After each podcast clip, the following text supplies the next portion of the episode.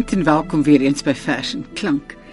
Oorkant my sit Libby Daniels en Libby gaan vanaand vir ons verse van Rika Silje lees. Welkom Libby. Dankie Margo, goeienaand. Hoe kom ons nou by Rika Silje uit? Onlangs het ek opgelet dat sy op 6de November gebore is. Sy is in 1951 gebore en sy is op 49 jarige leeftyd oorlede.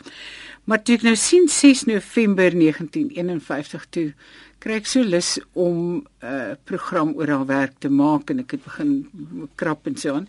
Maar toe kan ek dit nie inpas nie en ons is nou 'n bietjie laat, dit is nou nie meer 6 November nie, maar hier is 'n program oor Rika Silje wat ook uit Opperman hulle se stal uitkom wie gelou en die mense en toe verhuis dit na uh, Johannesburg waar sy klas gegee het aan die Randse Afrikaanse Universiteit. Wow. Ja, en interessant dat sy ehm um, gesê het sy is 'n onloyale Kaapenaar want sy het maklik verplaas. Dit was vir haar lekker daarbo gewees want sy het gehou van die son. So is ons nou vanaand by Rika Silje. En wat vir my opvallend was is Ek was min of meer aangewese op die Groot Verseboek.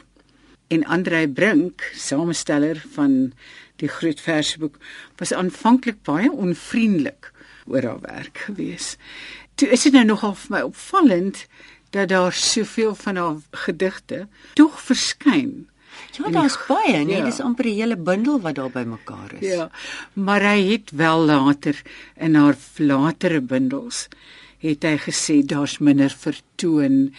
En ek het terwyl ek dit gelees het gedink het sy het meer volwasse geraak? Sy het groot mens geword. Ja en hierdie verse is eintlik baie gestroop. Dit is nou haar Debora wat kom uit haar eerste bundel uit wat ook die titel van die eerste bundel hmm. was Debora gewees. Libby lees dit vir ons. Debora hoor o konings. Luister o vorste tot eer van die Here wil ek sing. Ek prys hom wat die vrou tot rigter in sy volk verhef. My hande brei onwillig aan die dadelkoek en weier wewend purperkleed en wit tentdoek.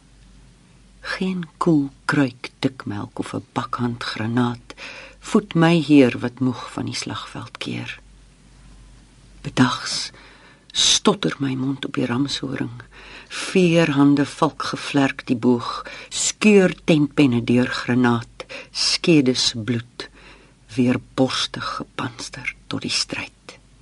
Ek trek uit saam met barak seun van abinoam want die Here Here het Sisera in my hand gegee. Hoor o konings. Luister o vorste tussen Rama en Bethel op die berge van Efraim sing ek tent na tent die Here lof want onder die palms van Lapidot snags lê ek my krygskleed neer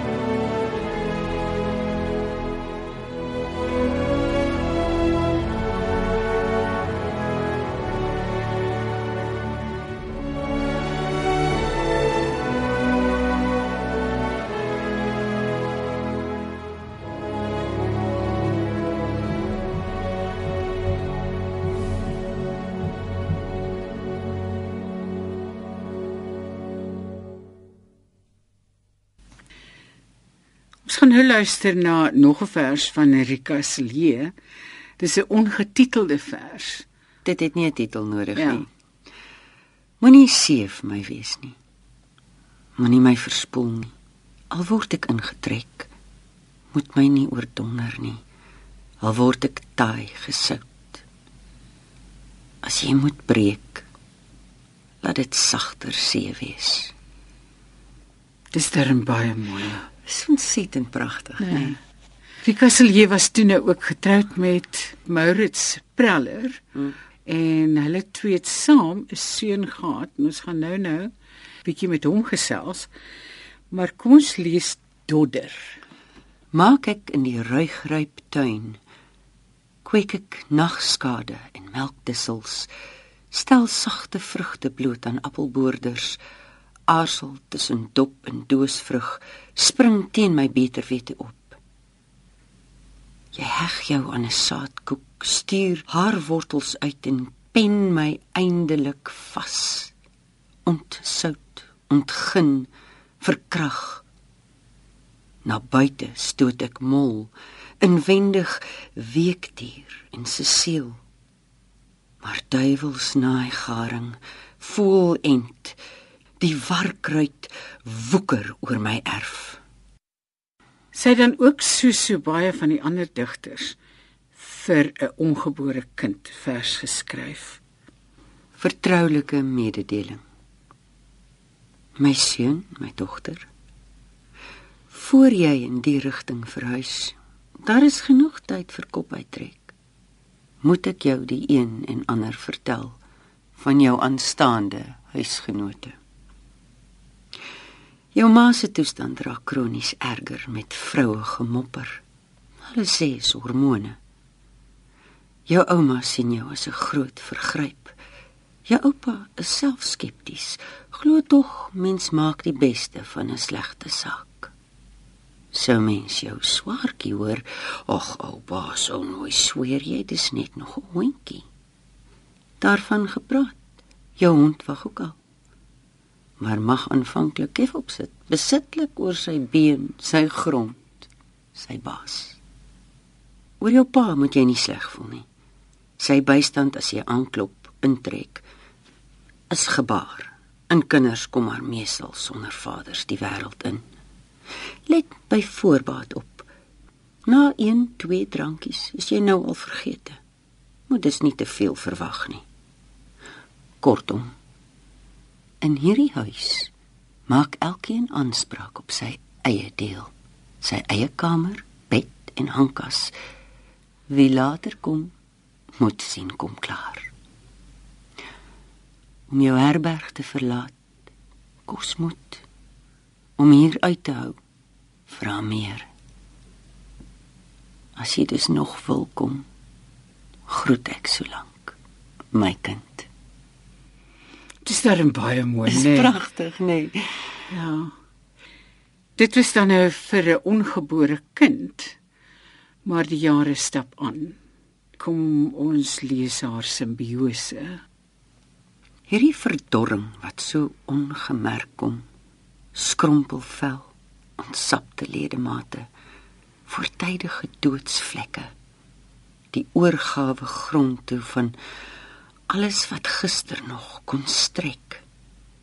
Hierdie verdorring teengewerk deur jou vochtige lote die lenige stam van jou rug. Haar wortelwimpers oor ontroebel oë. Uit onsigbare huidmondjies op jou vel suig ek die sap van jou jeug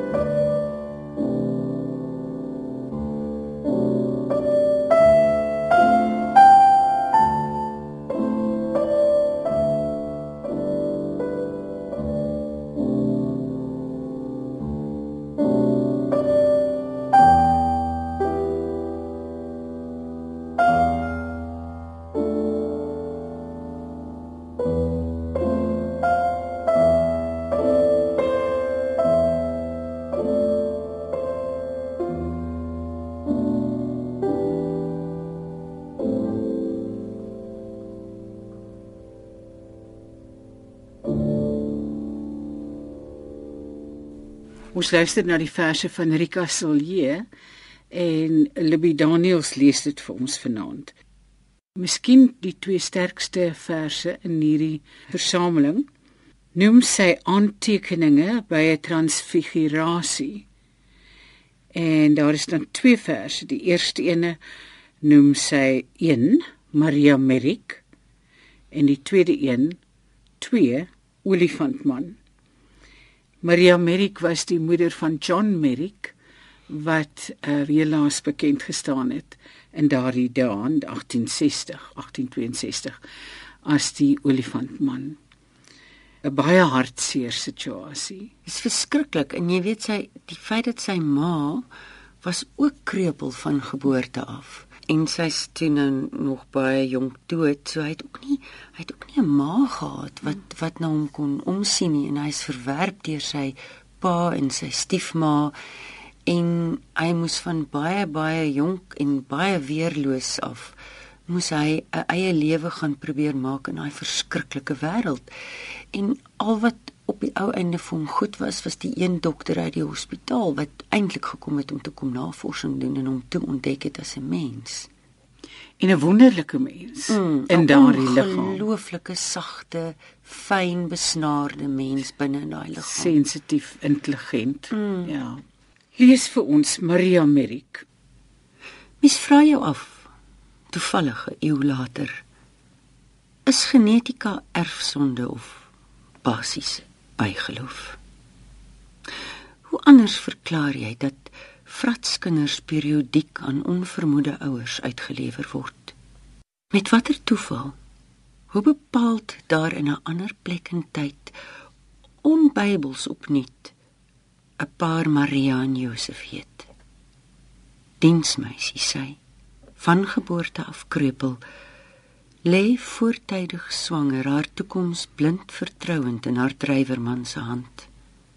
Dat hy sal woeker uit uit hul werkerstand se slums en slaim maar op hul dorp se meifees gaan die skare hul weer eens te buite. Gedenk die kruis behoorlik met 'n optog sirkusdiere. Dit word haar lot om in die gedrang te swik voor 'n loper olifant. O genadige verklaring is so 'n dag en datum heel wat later. Die skarlaken sterfte van haar ongeskonde jongste seun sou sy woordeloos afteken met 'n kruisie in die kerkregister maar haar eersgeborene se snoet wat uit sy nate swel haar droom en doen 11 jaar lank deurvroet daaraan kon sy eindelaas sonder antwoord vraag op vraag ontsnap sy slurpte gang opgee met haar kruis en van verligting asemloos aan haar longe sterf. Dit is 'n ongelooflike wrede situasie. Goed, kom ons lees die olifantman. Were I so tall to reach the pole or grasp the ocean with my span, I must be measured by my soul the mind's the standard of the man. Isaac Watts. Die jaar is 1884. Vergange. Die maand November. Die sug na monsters in die dae is onversadigbaar. Soos elke jaar trek die parade van 'n reus of dwerg hermafrodiet spuitfonteine van 'n vrou in triplikaat gebors, kwelskares met hul munte vir die fynproevers, geurafwykende aromas uit die verre ooste.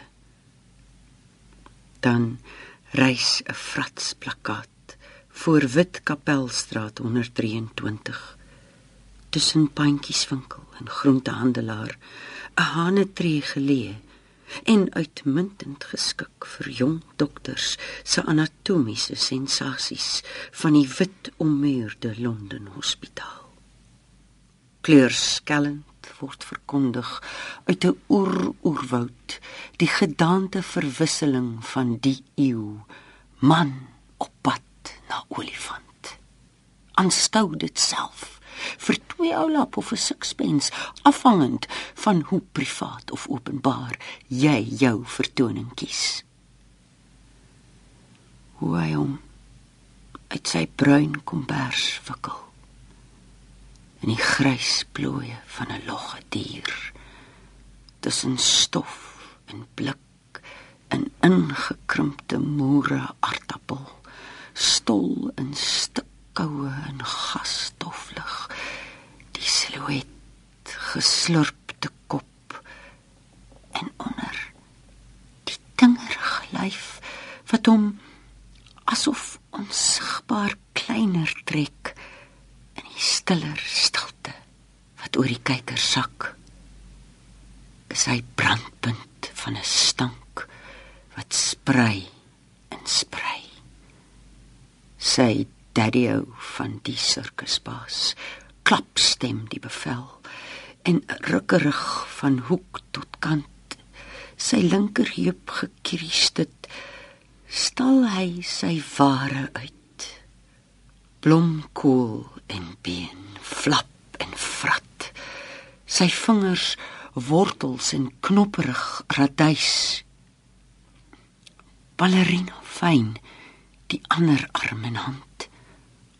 Onder 'n slurp weerloos pink soos van 'n mens die mond penis en skrotum has abnormaal normaal van geslag en agter agter grammadulas vrattende vel wat stulp en stoei hoe meet jy die verstand Die fluitend skone note uit sy keel klink ontheg van sin.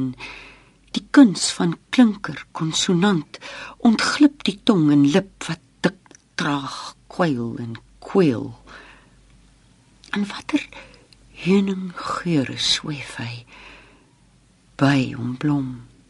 En wat jy sien van oë is 'n grot, 'n diepte sonder peiling en wat hy droom op helder dae gly met die gladde grasie van weerkaatsing onherroepelik in ruigte poele